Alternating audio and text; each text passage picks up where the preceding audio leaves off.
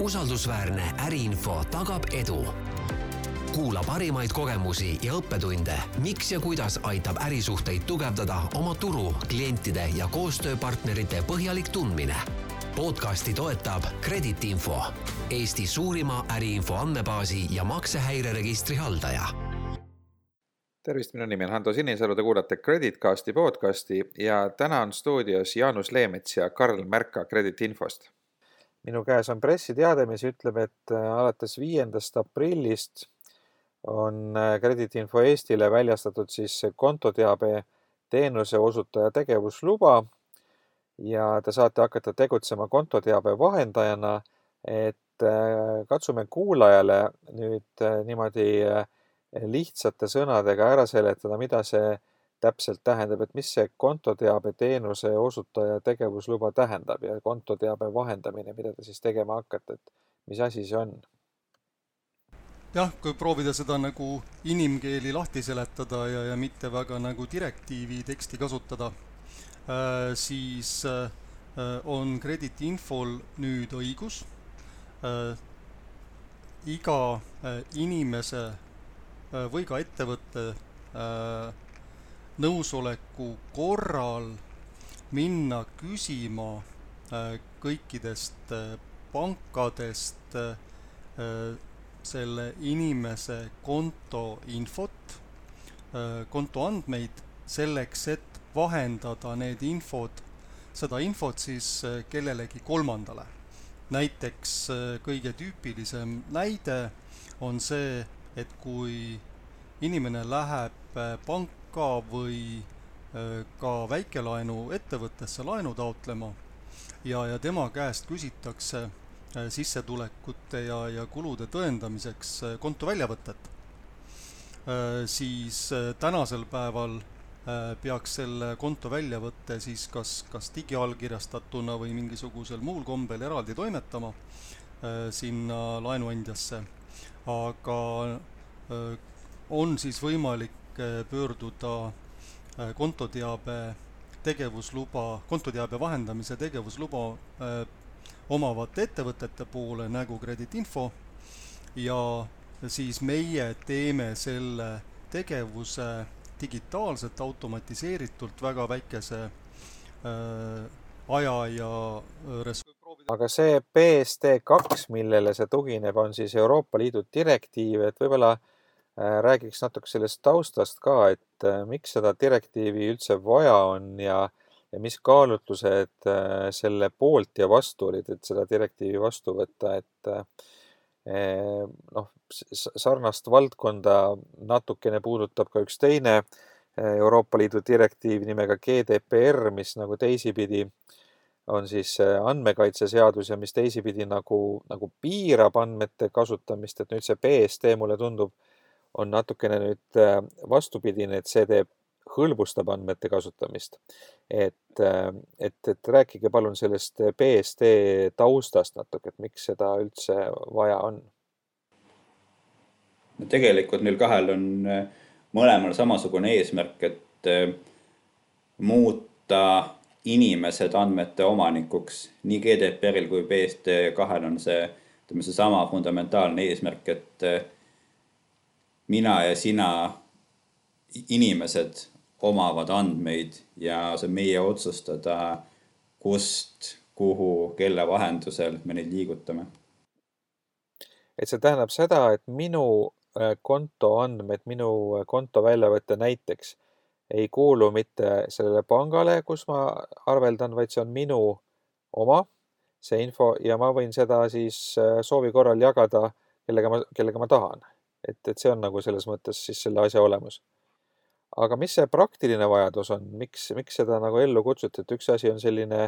noh, siis ma ei tea, inimõigus või, või selline filosoofiline, poliitiline taust, aga mis see, mis see praktiline vajadus selle järgi on? no eks siin võib äh, spekuleerida, et äh, ma kujutan ette, et üks, äh, üks võib-olla argumente oli see, et pankade monopoli natuke lammutada või vähendada, sest see BSD2 ei, see ei hõlma ainult konto teabe liigutamist, see hõlmab ka maksete tegemist ja vahendamist ja noh, tegelikult selle BSD2, ütleme see algselt plaanitud põhieesmärk oligi võtta pankadelt maksete tegemise monopol, et payment, see on, see on payment services directive, makseteenuste direktiiv. Et see oli nagu selle algne eesmärk, et, et mitte ainult pangad ei saa teha, ei saa algatada ja teha inimese kontolt makseid, vaid inimene saab, ütleme, selle õiguse või selle loa delegeerida ka panga välistele pakkujatele, kes siis omavad vastavat litsentsi. ja noh, seesama, ütleme siis loogika rakendus ka eh, kontoinfole, et kui ütleme, kui inimese kontol olevad vahendid ja õigus neid vahendeid eh, liigutada ja nendega tehinguid teha, kuulub inimesele endale, samamoodi kuulub see info inimesele endale ja noh, eks sellega ilmselt eh, taheti võib-olla seda pankade monopoli vähendada. ja päris üheselt enamik selle direktiivi või siis vastavate kohalike seaduste alusel tegevuslubasid öö, omandanud ettevõtted tegelevad makseteenusega. ehk siis maksete vahendamisega või, või makse öö, algatamisega öö, inimese soovil ja nüüd see konto andmete vahendamine, jah, võiks öelda, on nagu selline lisavõimalus, mis selles direktiivis tekib. Äh, tehniliselt siis äh, ta võib olla nii-öelda eraldiseisev ja, ja kindlasti ka teenusepakkujad on siis päris sageli spetsialiseerunud, et on need, kes pakuvad makseteenust või maksete vahendamist ja on siis teised nagu krediitinfo, kelle Äh, fookuseks on need andmed, äh, mis seal konto peal on ja, ja nende andmete vahendamine. Enne veel, kui me krediitinfo selle andmete vahendamise juurde asun, võib-olla selgituseks veel kuulajale nende maksete kohta ka, et kas te saate tuua mõne konkreetse näite, et kus see maksete tegemine siis äh, muutub, et, et noh, kui ma täna teen ülekannet ma ei tea, oma kontolt pangas X e-poodi Y, eks ole, et siis see käib niimoodi, et ma lähen sinna e-poes olevale näiteks pangalingile ja siis satun, satun sealt oma panga, panga e, e-keskkonda ja siis teen sealt selle ülekande ja siis lähen nii-öelda kaupmehe juurde tagasi, et, et nii-öelda see, see tänane äh, teekond kliendil on umbes selline, et kuidas see siis selle uue süsteemi järgi võiks välja hakata nägema kliendi jaoks väliselt see, see ei muutugi. et no sa pead olema üsna, väga hästi kursis selle tehnoloogiaga, et üldse, üldse mingit vahet märgata, et kliendi jaoks ei muutu, pigem see tehnoloogia seal taga muutub. aga kes, kes sellest siis nagu võidab, et kui nüüd pankade monopol või pankade võimu siis natukene piiratakse siin tiibu kärbitakse, et kes, kes sellest siis võidab või, või kuidas see käib ikkagi? no eks Euroopa Liit tahab, et innovatsioon võidaks, et eh, noh, innovatsioon, väiksed startup'id, kes eh, siis selle direktiivi abil saavad uusi lahendusi luua, nemad siis peaksid võitma. et see annab nagu nendele võimalikele selle teenuse arendajatele võimalusi uudseid makselahendusi välja mõelda ja pakkuda, et seal on see, see nii-öelda võidukoht siis.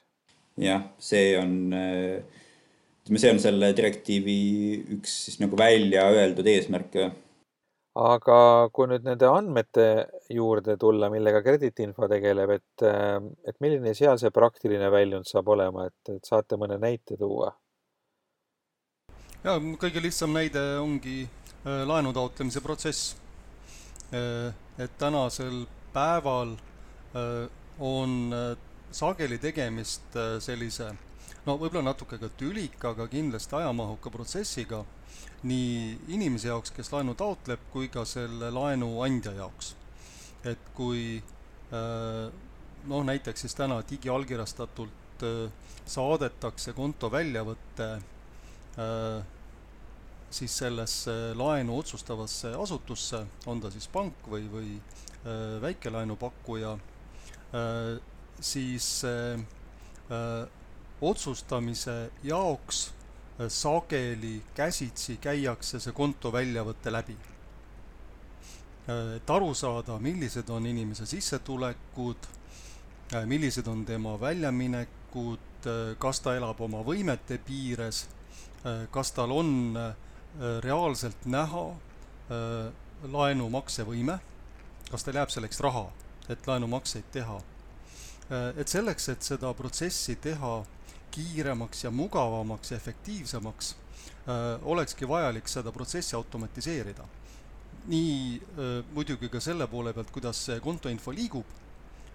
siis pangast, kus on konto laenu otsustajale, kui siis ka selles osas, kuidas see laenuotsustaja saab seda infot töödelda, analüüsida. et kui ta saab selle masinloetavalt kätte, siis tekivad eeldused erinevateks automatiseerimise võimalusteks. Et piltlikult öeldes, kui mina täna äh, näiteks taotlen laenu mitte oma kodupangast, vaid teisest pangast ja saadan neile oma konto väljavõtet, see põhimõtteliselt on nende jaoks nagu PDF-fail, mida või, või siis nii-öelda isegi väljatrükk, ma võin ju sellega printerist välja lasta ja oma pastakaga alla kirjutada et nemad selle analüüsimiseks peavad nii-öelda käsitööd tegema, et neid andmeid kuhugile oma tabelisse või analüüsisüsteemi sisestama ja, ja see on nagu hästi tülikas ja töömahukas, et nüüd selle uue süsteemi järgi see, need andmed, mis äh, tulevad äh, minu kodupangast, äh, on siis masinloetavad ja neid on lihtne analüüsida. no Eesti võib, Eestis võib-olla nii fundamentaalset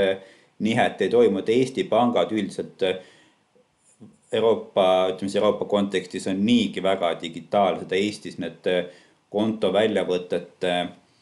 siis äh, saamine sealt internetipangast äh, on lihtne ja need PDF-id üldjuhul on juba väga lihtsasti digiteeritavad, aga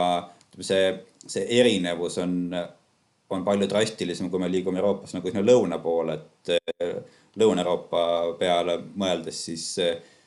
seal, seal toob see direktiiv ja siis sellest lähtuvad nõuded pankadele kaasa palju võib-olla see fundamentaalsema nihke, et, et seal jah, sihuke konto väljavõtete faksimine või postiga saatmine peaks nüüd ära kaduma. et no meil siin Eestis pole sihukest asja juba üheksakümnendatest saadik äh, olnud, aga noh, Lõuna-Euroopas oli see, oli see igapäevane jah, ilmselgelt äh, Eestist ei saanud see teema alguse, Inglismaa oli, oli teine koht, eks ju, kust äh, see suur vajadus tekkis ja open banking'u nime alt see teema sealt äh, suuremaks ja suuremaks järjest läks. aga kas see tähendab ka seda, et kliendi jaoks laieneb valikuvõimalus, et kui need Euroopa reeglid nüüd on sarnased, et põhimõtteliselt näiteks ma võin minna mõnda Hispaania panka ja, ja ta saab siit Eesti Pangast minu sissetulekute ja, ja muude ja väljaminekute, palgalaekumiste ja kõik selle info kätte nagu standardiseeritud kujul, et siis tegelikult mulle kui kliendile võiks ava, avaneda avarduda võimalused rohkematest pankadest näiteks laenu küsida. ja põhimõtteliselt kindlasti. noh, kõigepealt väikesel määral peaks samasugune Äh, konkurentsi laienemine toimima ka Eesti tasemel. et kuigi Eestis jah, need vahed on väikesed, aga siiski äh, on täna mugavam taodelda äh, laenu kodupangast. ja, ja kui sa lähed nagu teistesse pankadesse küsima, siis ikkagi mingid lisategevused sellega kaasnevad. noh, ülepiiriliselt on muidugi vahe päris, päris suur. see ei tähenda küll seda, et nüüd kohe ja täna need võimalused üle piiri äh, laenu taodelda on äh, aktiivselt olemas, äh, mugavalt kasutatavad, et pigem me oleme sinnapoole teel. aga kindlasti on see maks, kontoteabe vahendamise võimekus üks oluline eeldus selleks, et ülepiiriline laenuturg hakkaks liikuma mm. -hmm. no võib-olla Eestis üks hea näide näiteks on, et mis sellised välismaised äh, online pangad, äh, kes ka Eestis tegutsevad nagu Revolut, N26, Paysera, et äh, see kontoinfo liikumine nendest sellistest, ütleme, piiridevabadest pankadest Eesti, Eesti kohalikesse pankadesse, et see, ütleme, see käib nüüd noh, tänu siis sellele direktiivile samasuguse standardi alusel, et ja noh, need nagu me näeme, siis need siuksed pank, piirideülesed pangad, et see on üha võib-olla üha kasvavam trend. et kindlasti inimesed, kes kasutavad kas ainult või valdavalt mõnda sellist panka, siis nende jaoks äh, teoreetiliselt peaks muutuma lihtsamaks siis mingist kohalikust Eesti pangast kodulaenu taotlemine, sest Revolut kodulaene ei paku. Aga kui nüüd mõelda sellele, kuidas see hakkab meie tänase saate kuulajate elu otseselt mõjutama, et kõigepealt ma saan aru, et et äh, see ei ole selline automaatne teenus, et ikkagi mina kui äh, eraisik, kui tarbija pean kõigepealt andma loa, et üldse selle asjaga liituda, et kui ma keelan seda, siis seda ei saa teha või kuidas see käib? Siis jah, kui sa nõusolekut ei anna, siis see kontoinfo ei liigu, aga noh, siis tõenäoliselt äh, laenuandja kas ikkagi küsib sult siis seda PDF väljavõtet või lihtsalt ei, lihtsalt keeldub laenu väljastamast, et no Eestis noh, ütleme tarbija jaoks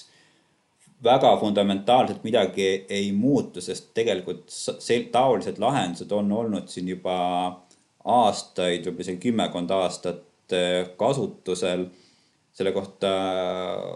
kasut-, kasutatakse terminit screen scraping. on mitmed sellised äh, teenusevahendajad, kes äh, kes siis ütleme, kui inim-, kui tarbija läheb laenu taotlema, siis ta nii-öelda annab oma sisselogimise andmed, oma PIN koodi, oma ID-kaardi või siis mobiil-ID PIN koodi nii-öelda sellele teenusepakkujale. tema siis selle laenu taotleja nimel läheb tema kodupanka ja vahendab sealt need andmed laenuandjale. et seal on noh, kui, kui nüüd mõelda, seal on olulised riskid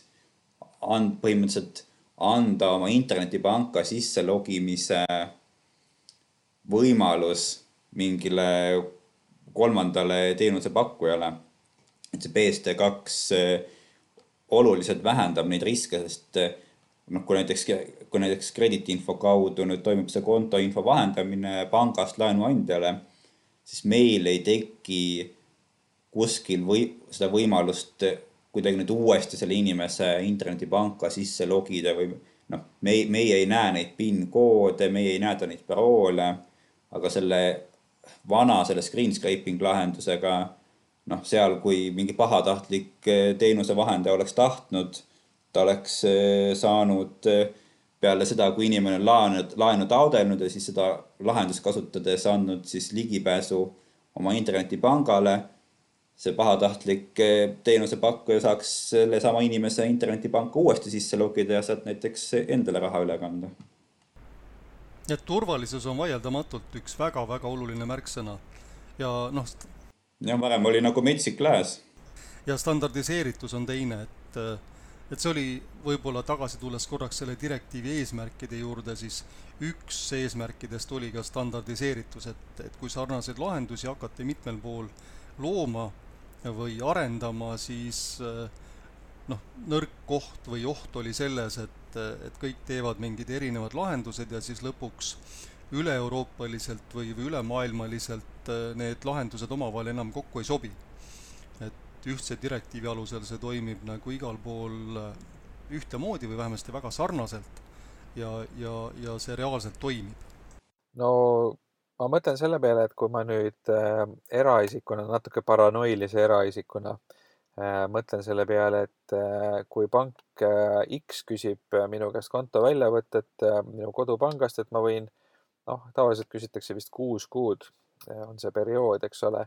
Et äh, võib-olla mul viimase kuue kuuga oli enam-vähem kõik korras ja ma siis teengi selle PDF-i ja, ja viin selle sinna ja ja siis nad saavad seda vaadata ja näevad mu palka ja võib-olla põhilisi väljaminekuid, aga võib-olla seal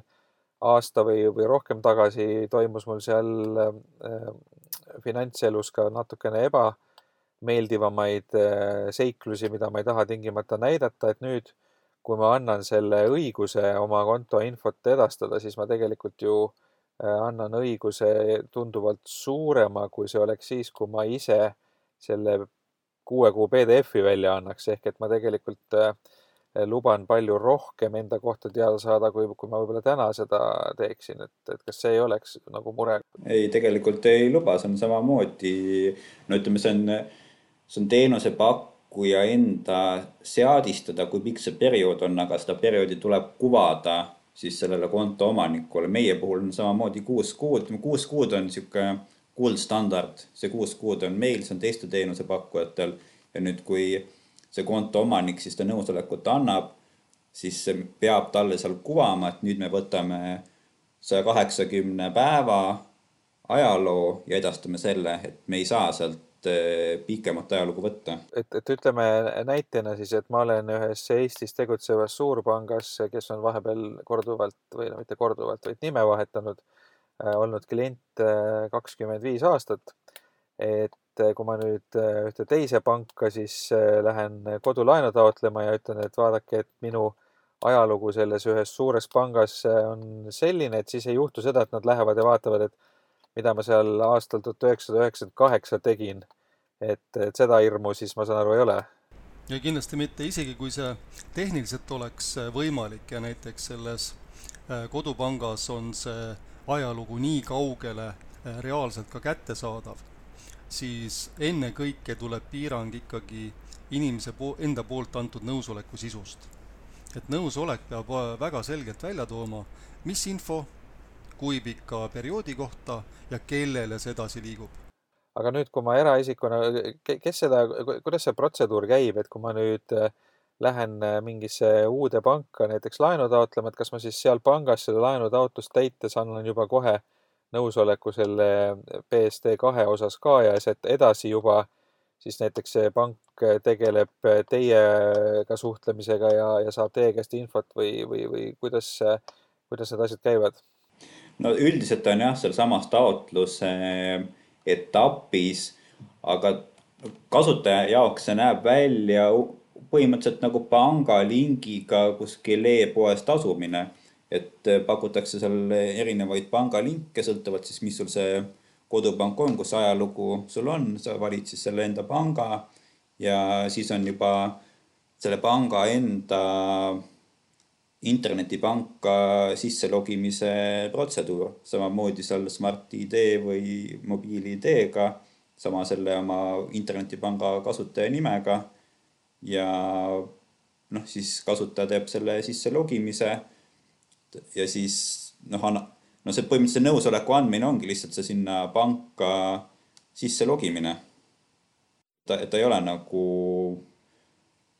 ta ei ole, ta ei ole nagu midagi väga sihukest uut või tundmatut, et ta on üsna sarnane jah, makse, makselingiga tasumisele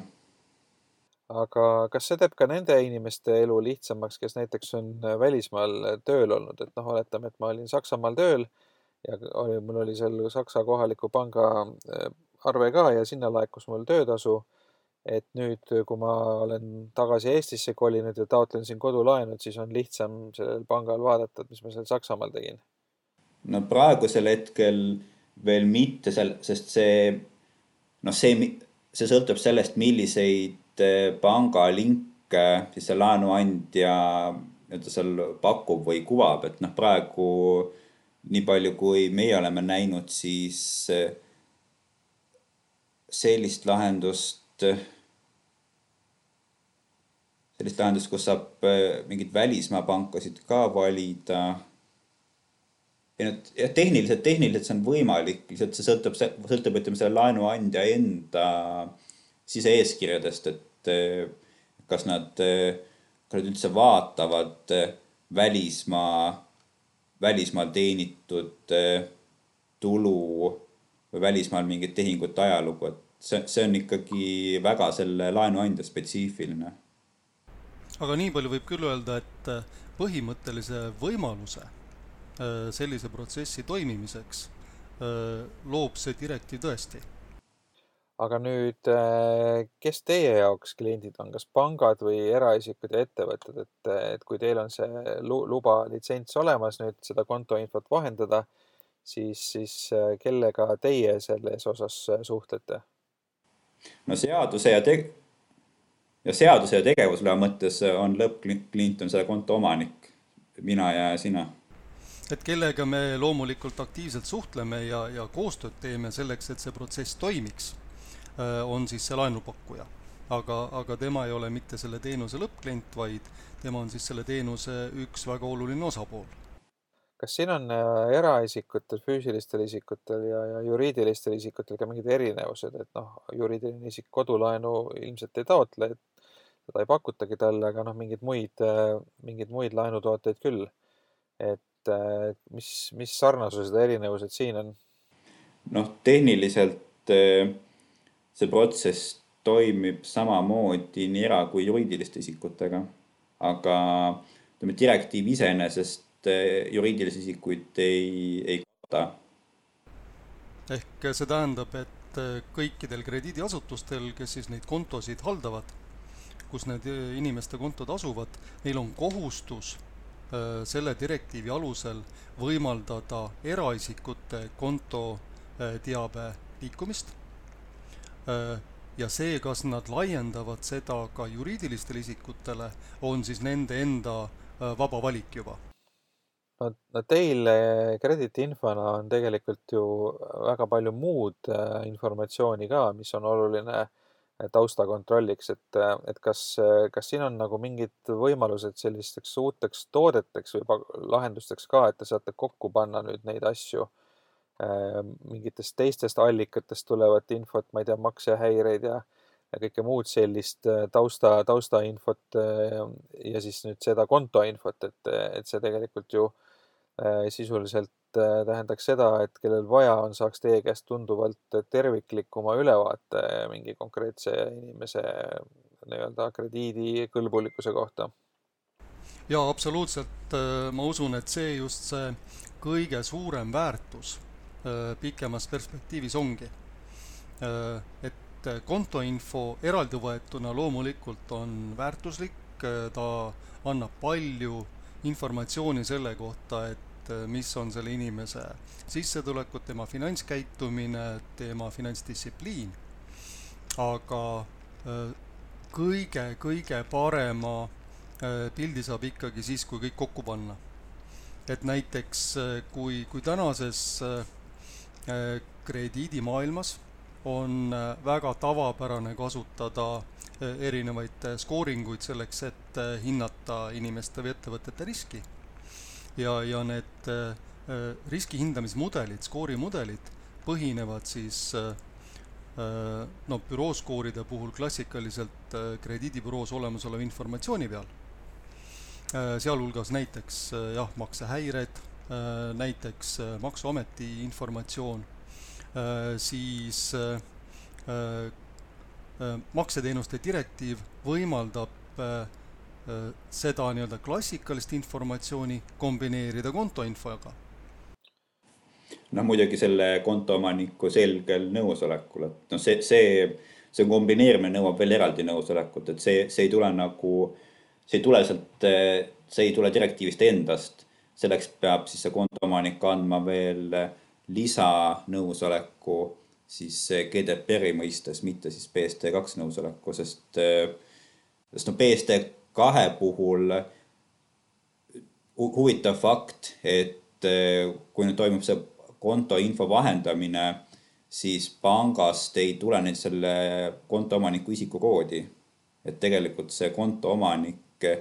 ei ole üheselt tuvastatav kas äh, teie, kes te nüüd äh, nende andmetega tööd teete, et kas te näete siin ka mingisuguseid äh, võimalusi näiteks rakendada tehisintellekti või töötada välja mingeid uusi metoodikaid, kuidas paremaid krediidiskoore pakkuda, et kui te saate kõik selle info nüüd kokku panna ja mingisuguseid korduvaid mustreid analüüsida ja muud sellist, et, et see, see võiks ju anda nagu äh, võimaluse täpsemini ja, ja paremini ka siis krediidi eh, kõlbulikkust ja võimalikke riske ette ennustada? no üks väga lihtne näide, mis siin saab kohe tuua, on eh, nende tehingute kategoriseerimine. et põhimõtteliselt meie, see laenuandja saab ju pangast selle väljavõtte või selle ajaloo täpselt samasugusel kujul nagu mina ja sina näeme seda oma internetipangas, et näiteks noh, kui sa vaatad võib-olla enda konto ajalugu seal kaks aastat tagasi mingeid tehinguid, ega tõenäoliselt ei meenu, mis, mis täpselt, mis tehingud need täpselt olid, et kas oli mingi toidu ostmine või, või, või mingi haridusalane kulutus või hoopis online kasiinos mängimine. et just nende kategooriate külge panemine, et et, et, et jagada siis need inimese kulud ja ka sissetulekud, need sissetulekud on muidugi lihtsam jagada, et enamikel inimestel on palk, peamine sissetulek või pension või näiteks mingi lastetoetus, aga just kulutuste puhul, et missugune kulutus on nüüd äh, seal mingi laenumaksed, missugune kulutus on seal, ma ei tea, kasiinos mängimine, mis, missugune kulutus on äh, laste, kaubad, missugune kulutus on reisimine, et oleks võimalik teha sellist koond siis väljavõtet või koondülevaadet inimese kulutuste jagunemisest, et kui palju see inimene kulutab seal toidu peale, kui palju on tal eluasemekulutused, et see on võib-olla kõige sihuke otsesem näide, kus on võimalik tehisintellekti kasutada, lihtsalt nende üksikute tehingute kategooriatesse paigutamine kas äh, siit võib tulla ka üllatusi, et noh, siin viimasel ajal väga palju räägitud teema, et äh, üks suurimaid krediidiriske on äh, lapsed. et, et võib-olla näiteks äh, tuleb välja, et, äh, et ei olegi nii hull asi, et, äh, et laste omamine võib-olla mõnes mõttes muudab inimesed jälle vastutustundlikumaks ja stabiilsemaks, et see on lihtsalt selline äh, natuke populaarteaduslik näide, aga kuna see teema on meedias päris palju kajastatud, et, et kas nagu mingit sellist laadi üllatusi võib ka tulla teie arvates äh, neid andmeid analüüsides? no eks ikka võib, aga noh, see laste puhul noh, ma arvan, et siin inimesed võib-olla ajavad segamini, et lapsed mitte ei tõsta selle laenu, laenusaaja riske, vaid lihtsalt sellel laenusaajal on mingisugune fikseeritud igakuine kulutus, millest ta ei saa loobuda, et ta ei saa oma lapsest või lapse peale kulutamisest loobuda, et noh, kas ta nüüd otseselt on nüüd risk sellest ei tõuse, lihtsalt tal, tal on niisugune vältimatu igakuine kulutus, aga eks muidugi andmeanalüüsist võib välja tulla, et eh, tegelikult eh, lastega inimesed on hoopis usaldusväärsemad. no just seda, seda ma tegelikult pidasingi silmas, et äkki tuleb sealt välja mingi selline info, mida täna nii kohe eh, esimese pilguga peale vaadates välja ei tule, et võib-olla lastega inimesed äh, on muidu väiksema riskikäitumisega, et näiteks äh, ega, ega näiteks panga seisukohast ju see ka pole hea uudis, kui keegi tegeleb äh, väga ekstreemsete spordialadega ja ja näiteks murrab endal mäesuusatades jala ära ja on pool aastat haiguslehel, et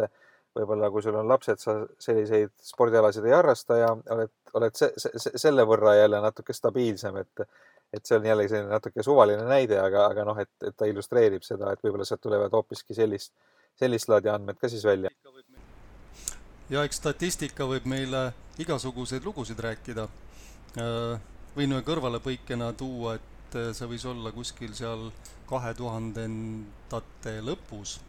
kui ma ühes pangas osalesin äh, pangascoring mudeli väljatöötamises ja statistilise analüüsi käigus selgus, et tol hetkel kolm kõige riskantsemat äh, ametit krediidiriski mõttes Eestis olid äh, turvamehed, müügimehed ja pankurid. nii et see, selle kohta öeldakse, et see on vist bad karma või, või midagi sellist, et, et tuleb teisipidi tagasi, aga. ma võib-olla omalt poolt äh, ütleksin, et me oleme, noh, me üsna palju rääkisime, et et mis see nagu laenuandja jaoks eh, lihtsamaks muudab või et noh, laenuandja jaoks siis see laenuotsuste tegemine muutub lihtsamaks. aga mida see siis, mida siis tarbijale tähendab? see tähendab tarbija jaoks ka seda, et kui, kui laenuandjate üleüldised kulutused krediidiriski hindamisele vähenevad, see, see, see lõpuks viib ju välja ka selleni, et, et Eh, laenude, laenude kulukus väheneb, sest konkurents tiheneb, kuna laenuäri on võimalik teha väiksemate kuludega ja see noh, see on niisugune fundamentaalne, fundamentaalmajanduslik eh, järeldus, et kui teenusepakkujate kulutused vähenevad, siis lõpuks see ka kandub hinnas üle ju ka tarbijateni, et kui see, see on see kasu, mis lõpuks, mida lõpuks siis tarbijad saavad sellest, kogu sellest lahendusest. ja siis saavad äh, pangad seda raha, mis neil praegu keskpangas äh, olulist kulu tekitab, äh, rohkem välja anda ja sellega oma kulutusi veel vähendada, et neil läheb odavamaks raha hoidmine ja neil läheb odavamaks laenude menetlemine ja, ja lõpuks võidab sellest tarbija teoreetiliselt eh, see võiks sinna suunda liikuda jah, aga noh, tõenäoliselt kõige enam hakkab see mõjutama konkurentsi just pangaväliste finantseerijate vahel. aga väga põnev eh, vestlus sai ja, ja tore, et need innovatsioonid muudkui, muudkui tulevad ja nagu me aru saime, siis tarbijatena on, on meil siit kõigil natuke ka võita aitäh, Jaanus Leemets ja Karl Märka Kredit Infost äh, meiega vestlemast. minu nimi on Hando Sinisalu ja aitäh kuulamast ka. usaldusväärne äriinfo tagab edu. kuula parimaid kogemusi ja õppetunde, miks ja kuidas aitab ärisuhteid tugevdada oma turu, klientide ja koostööpartnerite põhjalik tundmine podcasti toetab Kredit Info, Eesti suurima äriinfo andmebaasi ja maksehäireregistri haldaja